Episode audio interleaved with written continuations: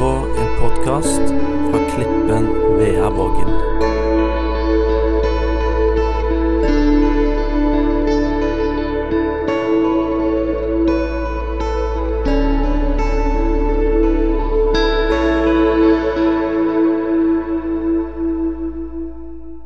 Men uh, uansett, i dag da, så skal jeg jo liksom ha en, en eh, forkynnelse for dere. En tale. Eh, og i det siste, i min menighet, så har vi studert en del korinterbrevene. Og så er jeg dårlig til å multitaske, så da får dere òg en korinterbrevtale. Så håper jeg at det går bra. Eh, korinterbrevene er noen fantastiske brev. Eh, men, men, eh, men jeg skal ta utgangspunkt i litt av dem. En liten, liten ting. Men eh, som jeg skal starte da, med, med en intro eh, som dere skal få først. Så Jeg nevnte jo så vidt eh, at jeg er fra Stjørdal i Trøndelag. Og, og det er egentlig Trøndelags juvel. Det er liksom Trondheims penere og yngre lillesøster. Det er det det egentlig er. Eh, og Norges midtpunkt, nesten sånn geografisk sett. Eh, så, så Stjørdal er en flott by. Men som alle områder så har Stjørdal også en plass hvor jeg fikk høre av en litt overbeskyttende mor når jeg vokste opp, at det var en plass jeg ikke skulle dra til i Stjørdal. For eh, litt utenfor sentrum så var det et parkområde som heter Sandskogan, kaller vi det. Eh, og dit skulle jeg ikke dra om kvelden. Eh, og, det, og det var fordi det var, det var en plass hvor de litt mer umoralske trønderne dro og gjorde sine ting. Eh, og, og, og det var ikke en plass eh, for en, en ung trønder å dra til, da, mente mora mi. Så jeg eh, sykla veldig fort gjennom Sandskogene når jeg skulle hjem, eh, fordi det var liksom Ja. Så Sandskogene i hodet mitt ble litt sånn I hvert fall for meg, da. Stjørdal sitt svar på liksom Red Light-distriktet i Amsterdam. Sant? Eh, litt som Soho i London. Eh, litt som eh, Las Vegas i Amerika. At det var en plass hvor de litt mer skamløse folkene brukte tid. Og det er jo det som da skal liksom være introduksjonen min til å snakke om korinterbrevene. For skal vi snakke om korinterbrevene, så må vi vite litt om Korint, som var en by i eh, Eller er vel en by, skulle jeg si, men, men var da en veldig viktig plass eh, i Hellas under det romerske riket. Eh, og det var eh, den nest største byen i hele Romerriket. Eh, og hadde rundt 700 000 innbyggere, som jeg syns i hvert fall er ganske mye.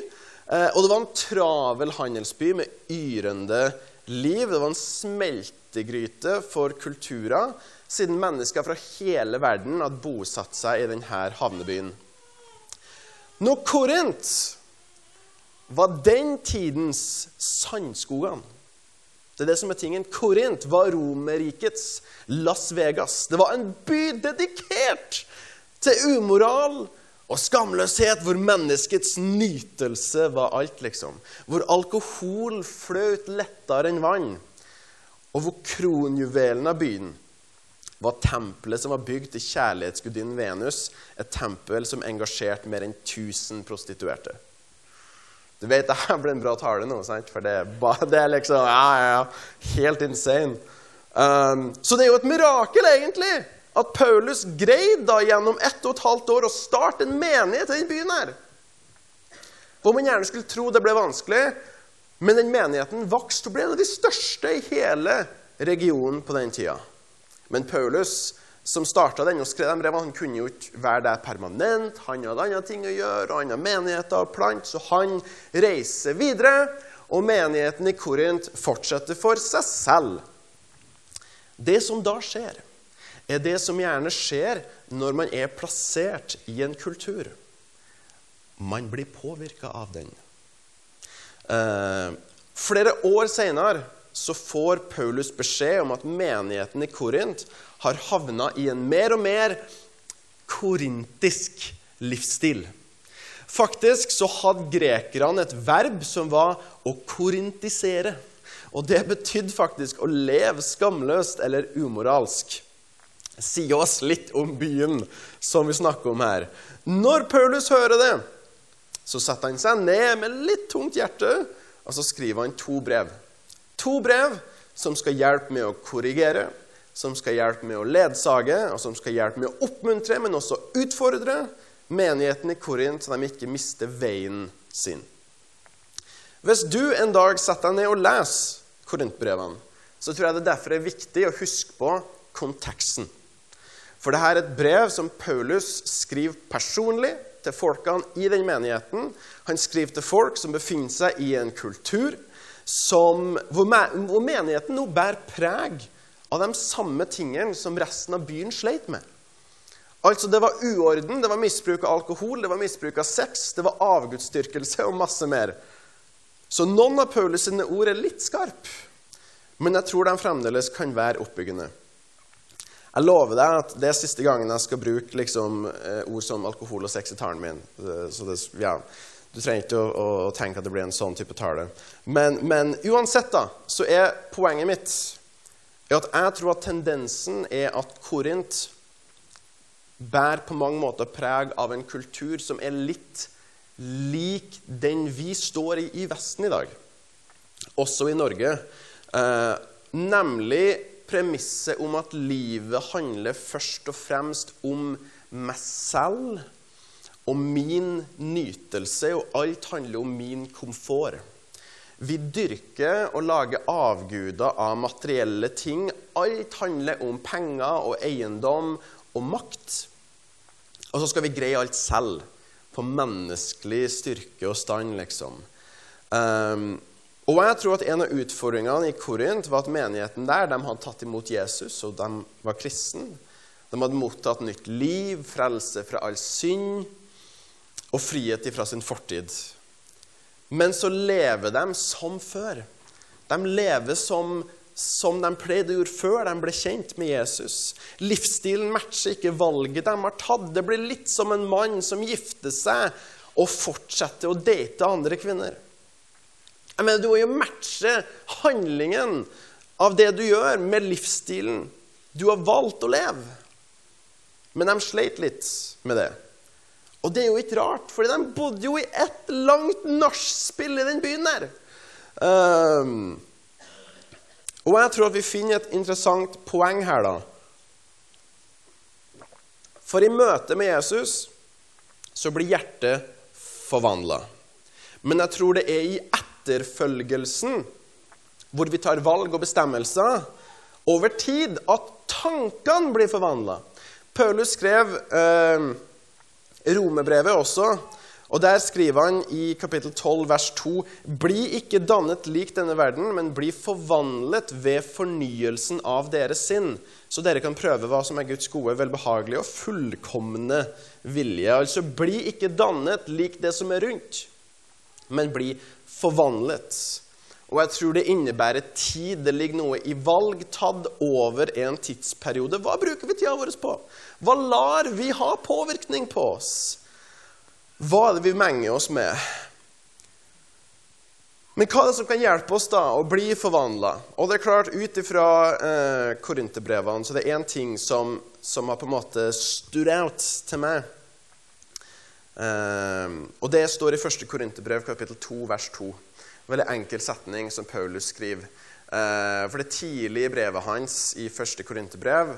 Og der skriver han For jeg var fast bestemt på at jeg ikke ville vite noe blant dere uten Jesus Kristus og ham korsfestet. Det Paulus sier basically her, er jeg har bestemt meg. Jeg skal ikke bruke livet mitt på å tenke over og fokusere på alt av kunnskap og utdanning og informasjon som jeg har samla meg over alle mine år. Ja, faktisk så beskriver Paulus det at, at de, tingene betyr, de tingene betyr veldig lite for meg. Ingenting, nesten, når det sammenlignes med Jesus Kristus og korset.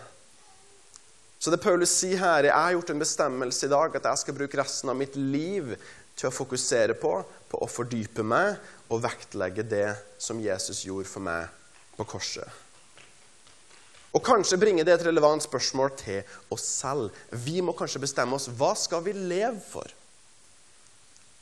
Og hva er så viktig for oss at vi er villige til å dø for det? Og det er sånn wow. Det er litt for tidlig nesten til å tenke på sånt.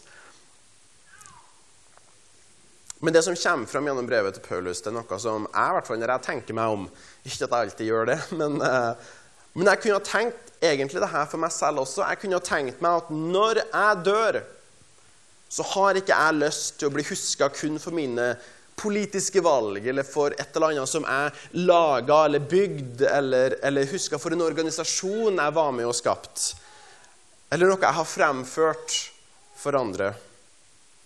Når jeg dør, så ønsker jeg å bli huska som en mann som elska Jesus, og som forkynte hans kors.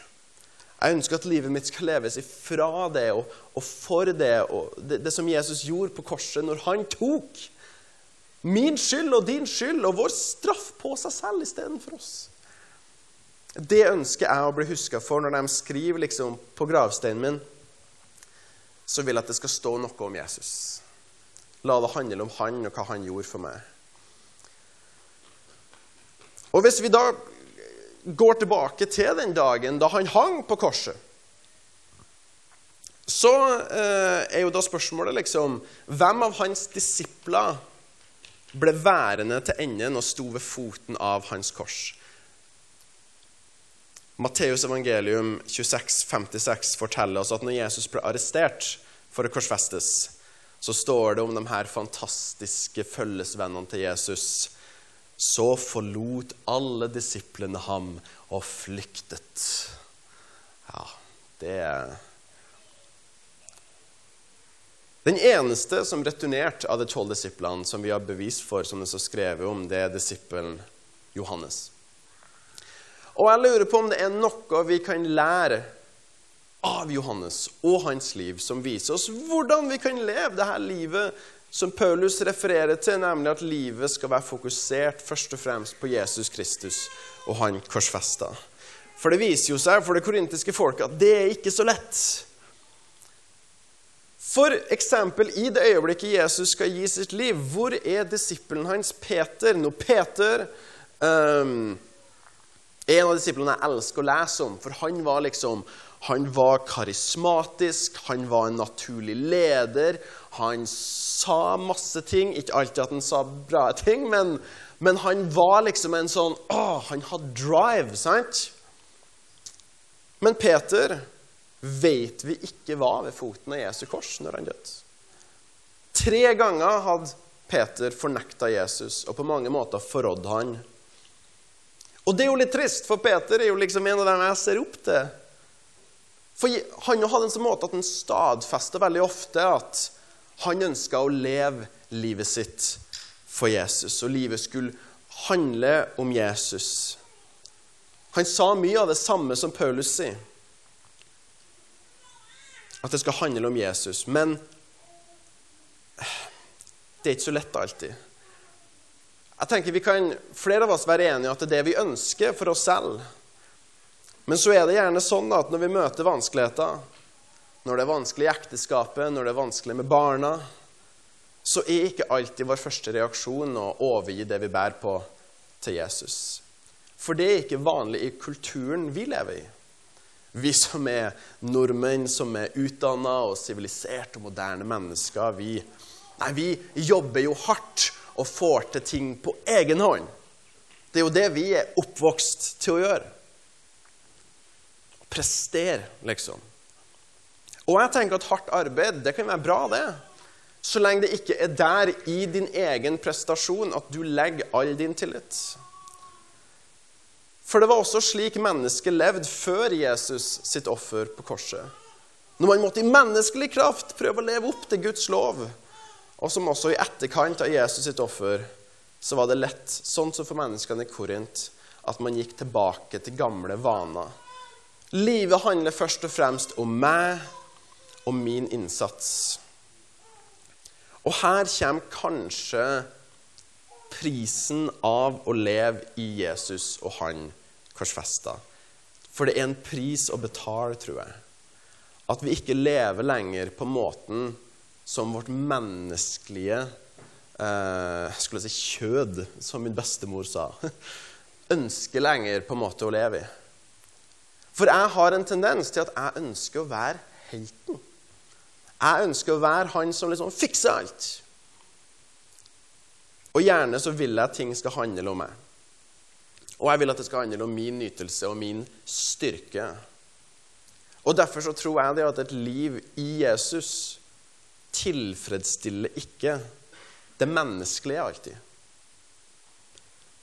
Og så kan du jo være sikker på at dem som ikke forstår Jesus, ikke kjenner Jesus, vil også fort bli kritisk når vi ikke lever på den måten som er forventa. For vi er en kultur hvor det er egen innsats og det er egen vilje som er alfa og omega. Når Johannes eh, omtales bl.a. som disippelen som lente seg på Jesus da de åt det siste måltidet i lag. Eh, den, den, lenende disippelen.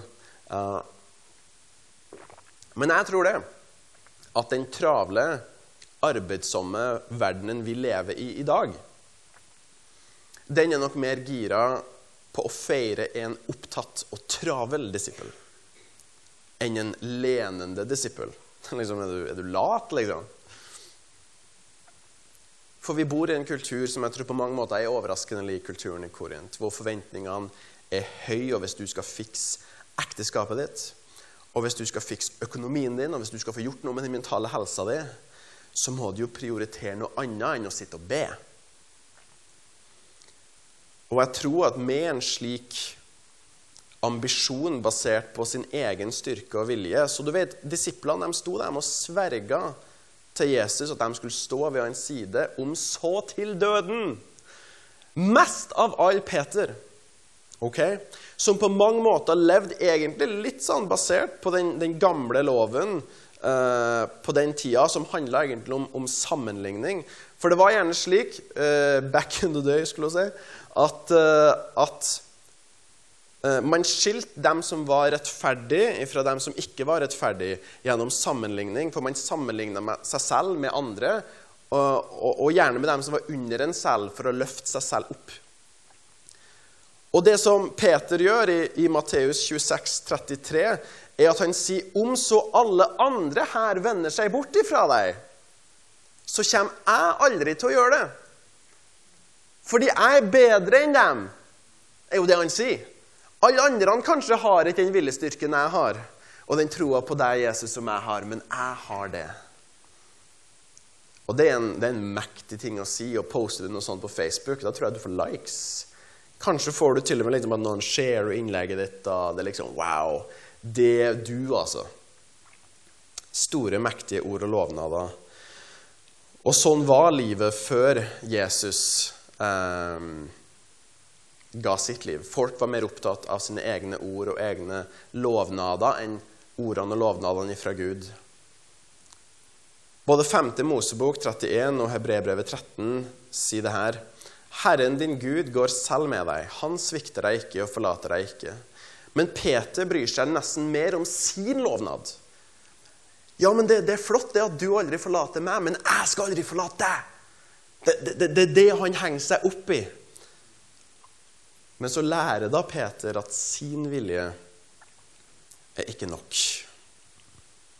Og da er jo spørsmålet hva er det som gjør at disippelen Johannes, til tross for at han er et menneske med mangler og frykt, som også stikker av til å begynne med, men så kommer han tilbake til foten av korset og det tror jeg er fordi Johannes sine tanker var mer fylt med Jesus sin kjærlighet for ham enn hans egen kjærlighet for Jesus. Og jeg tror det er det som gjorde han i stand til å være der ved slutten av Jesus sitt jordslige liv. For hvor er de andre, da? Hvor er Peter? Jo, Peter er et offer av sin egen fordømmelse. Lever du etter loven, blir du også dømt etter loven. Og jeg tror det, Hvis vi, vi, snakker om fordømmelse, da, for det har vært en av mine store utfordringer i livet Jeg tror det er mange mennesker som, som sliter med det. Men i 1. Korinterbrev 4, vers 3, så sier Paulus noe sånn litt, litt uh, weird, skulle jeg si. Men han sier det. 'Jeg bryr meg ikke om dere dømmer meg.' 'Jeg dømmer heller ikke meg selv.' Kun Herren dømmer meg. Og det han sier, basically at 'jeg bryr ikke meg om hva dere tenker om meg'. Jeg bryr meg faktisk ikke om hva jeg selv bryr meg om meg sjøl heller. For det er hva Gud tenker om meg, som betyr noe. Og du vet, Noen ganger så er det vanskelig når andre mennesker fordømmer oss. Og det er viktig at vi ikke lar andre farge identiteten vår. Men jeg tror det som er enda vanskeligere, er når du fordømmer deg selv. Og I en slik situasjon så sier Paulus at til syvende og sist så er det ikke jeg som har det siste ordet om meg selv og hvem jeg er. Det er Gud. For jeg tror at menneskets måte å fordømme seg selv kan være for mange det som stopper dem ifra å returnere til korset. Og kanskje var det også det som stopper Peter. For han tenker jeg kan jo ikke dra tilbake etter jeg forrådde han. Jeg er jo ikke verdig. Hvis du lever livet basert på din kjærlighet for Gud og har din prestasjon for Han og dine gjerninger og din hengivenhet til korset, så tror jeg at du vil til slutt finne deg selv vekk ifra Hans kors. Fordi jeg tror fordømmelse rammer de aller beste av oss. Og jeg tror det er helt til vi lener oss på Han som den lenende disippelen ved måltidet, og hviler hodet vårt på Gud og Hans hjerte og gjenkjenne at hans kjærlighet den er umulig å måle, den er utømmelig, den er betingelsesløs. Og den kan ikke overvinnes av noe. Den feiler aldri. Og jeg tror det er derfor Paulus skriver 'Jeg har bestemt meg'. Og det er en stor ting hvis du tenker på hvem Paulus var. For du skulle ha sett Paulus sin CV. Jeg mener Han var et geni av sin tid ekstremt godt utdanna mann. Personlige læreren og mentoren hans var Jerusalems mest opphøyde teologilærer. Han kunne torene utenat. Han kunne språk, pedagogi, sosiologi, psykologi, filosofi, alt som slutter på i. Hvis det var noen som kunne ha sagt 'jeg er smart', så er det Paulus. Men så er det han da som skriver i 1. Korinterbrev 2.2 at jeg har bestemt meg for at det som betyr noe for meg i mitt liv på den planeten her, det er ikke å samle fakta, det er ikke å samle informasjon, det er ikke å hvile på egen kunnskap og utdanning noe mer, som jeg har mye av, by the way. Men jeg skal først og fremst la meg være oppslukt av og fokusere på og sette min tillit til det som Jesus gjorde da han demonstrerte den ultimate kjærligheten for meg på korset. For det som Paulus hadde forstått da Han som hadde brukt tiår på å utdanne seg selv, og som disiplene lærte litt brått og brutalt, er at med all vår kraft og vår makt og vår visdom og vår intelligens Hvis vi ikke har vårt sinn planta og rotfesta i hjertet til Jesus, så vil ingenting vare. Til tross for vår genuine liksom, tillit til egen vilje, og vi har mange store ord og lovnader, og, og jeg elsker store ord, liksom, og si masse sånne kule ting som folk feirer meg over. Men hvis det er alt jeg har, så frykter jeg at når jeg kommer til veis ende, så er jeg ikke stående ved foten av korset noe mer. Istedenfor så er jeg utenfor byporten sammen med Peter og synes synd på meg selv uten en forståelse av hvordan jeg endte opp der til å begynne med. Hvorfor var ikke viljestyrken min nok? Hvorfor var ikke disiplinen min nok? Jeg tror den eneste måten vi holder ut i det livet her med alle dens utfordringer i det lange løp Og det var det Paulus prøvde å fortelle dem i Korint også. De hadde tatt imot Jesus men så levde de som de ikke hadde gjort det. De levde som før. De gjorde det som var vanlig i kulturen istedenfor, og de sleit. Så jeg tror måten vi holder ut i dette livet på, med alle dens utfordringer i det lange løp, det er å gjøre det som virker litt uortodoks og litt uvanlig, tror jeg. Nå, Salmisten skriver i Salme 46, vers 11 Fall til ro og kjenn at jeg er Gud. Altså stopp. Stans det du gjør, før du gjør noe annet. Fall til ro. Vent. Sitt. Hvil. Len deg. Tro. Og vit og kjenn at jeg er Gud. Vit at du ikke er Gud. Ta av din egen krone og ta av din superheltkappe.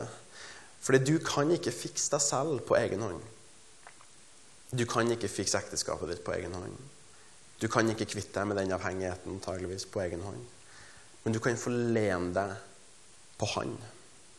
For Herren din Gud går selv med deg. Han svikter deg ikke og forlater deg ikke. Og du blir nødvendigvis ikke populær av å leve på den måten. Mennesker som ikke kjenner Jesus, har lett for å kritisere den måten å leve på. Fordi det tilfredsstiller ikke lengselen om å være helten i eget liv. Den lengselen kjenner jeg òg etter. Og den blir ikke tilfredsstilt av et sånt liv. Men jeg tror det koster en pris å leve nært til korset. Det er en pris å leve for å følge evangeliet. Og mange tror at den prisen er at vi må gjøre veldig mye når vi blir kristne. Men jeg tror at prisen er ofte det vi må gi slipp på. Og det tilfredsstiller kanskje ikke det menneskelige, men jeg tror det tilfredsstiller dypet av menneskets sjel. Og jeg tror det er en god trade. Og det er litt det som separerer troen på Jesus fra andre religioner også. For vanligvis religion så er det sånn at dine handlinger og din prestasjon det leder til en endelig dom. Det er det som gjør om du er verdig eller ikke verdig. Men i Jesus så har han gjort oss verdig. Han har satt den dommen for hver den som tror på han, og velger han. også ut ifra den, um, den verdien så kan det få styrke og lede våre handlinger og prestasjoner. Jeg skal komme til en avslutning. Eh, kanskje Mats, du kunne ha Jeg har ikke spurt deg på forhånd, men du kan få Eh, idet vi skal gå over til litt bønn etterpå. Jeg tror det at Jesus er for stor og for mektig til at han passer som en liten sånn sidegig vi foretar oss et par ganger i måneden. Jeg tror at den verden som vi bor i, er for utfordrende til at jeg på en bærekraftig måte kan møte den i egen kraft og styrke. Jeg har prøvd. Jeg blir eh, 31 år i april, dessverre. Um, og jeg har prøvd ganske mange av de årene og gjort ting i egen hånd. Men jeg har lært hvert fall så langt at det funker ikke. Så om du ikke har tatt en bestemmelse før i det hele tatt, eller kanskje har du tatt bestemmelsen om å velge Jesus hundrevis av ganger før, men du kjenner at en gang til så trenger du å stadfeste den veien og direksjonen for ditt liv så vil jeg oppmuntre deg i dag til å ta det samme valget som Paulus tar. Det samme valget som Johannes tok. Hva skal være sentrum av mitt liv? Hva er sterkt nok til å holde alt jeg bærer på, alt jeg møter, alt jeg håper for? Hvor kan jeg legge min tillit? Hvor kan jeg legge fra meg mine svakheter? Mitt valg er det her som Paulus skriver. For jeg var fast bestemt på at jeg ikke ville vite noe blant dere foruten Jesus Kristus og ham korsfestet. Men kanskje viktigere enn min lovnad, det er Guds lovnad som er til deg den dag i dag, for hver morgendag som ligger foran deg. Og det er at Herren din Gud går selv med deg. Han svikter deg ikke, og han forlater deg ikke. Så fall til ro, og kjenn og vite at han er Gud. Jeg tenker Vi ber i lag til slutt, og jeg vet at det kommer til å være mulighet for forbønn ved siden av her også, hvis du kjenner at det har vært godt å, å, å motta et forbønn og en velsignelse og litt sånt. Men jeg håper at uh, dette kan være en dag hvor du kan få ta av det som ligger på dine skuldre, og få vite at det finnes en som har breie nok skuldre for alt du bærer på. Og i Han så har du alt. I Han så er alt mulig. Og Derfor så ber vi himmelske Far, takk for at du er her, takk for at du er til stede. Og takk for at det er din kjærlighet for oss som starta alt. Takk for at det er din kjærlighet og din nåde og ditt offer for oss som gjør oss i stand til å leve fulle, verdige liv i nærheten av deg, Jesus. Takk for at du ser våre lengsler, du ser hvor hardt vi har prøvd, du ser slitet vi gjerne har, har hatt. Men takk for at vi kan få lov til å først og fremst leve livet ut ifra det du har gjort for oss. Vi kan få lov til å velge deg, Jesus, hver dag. Og så har jeg tro på at det forvandler oss. La oss få se og erfare deg, Jesus. Ikke bare i, i gode stunder, men kanskje spesielt i mørke stunder. Når vi har sånne dager som den Peter kjente på, som vi leste om. Når han står utenfor byporten full av fordømmelse. Takk for at i slike øyeblikk også så møter du oss. Så aksepterer du oss, og så elsker du oss. Og så er det ingen fordømmelse for dem som kjenner deg, Jesus. Takk, himmelske Far, for at du har gitt oss frihet og kraft og styrke som en ny hverdag. Jeg ber i ditt navn, Jesus. Amen.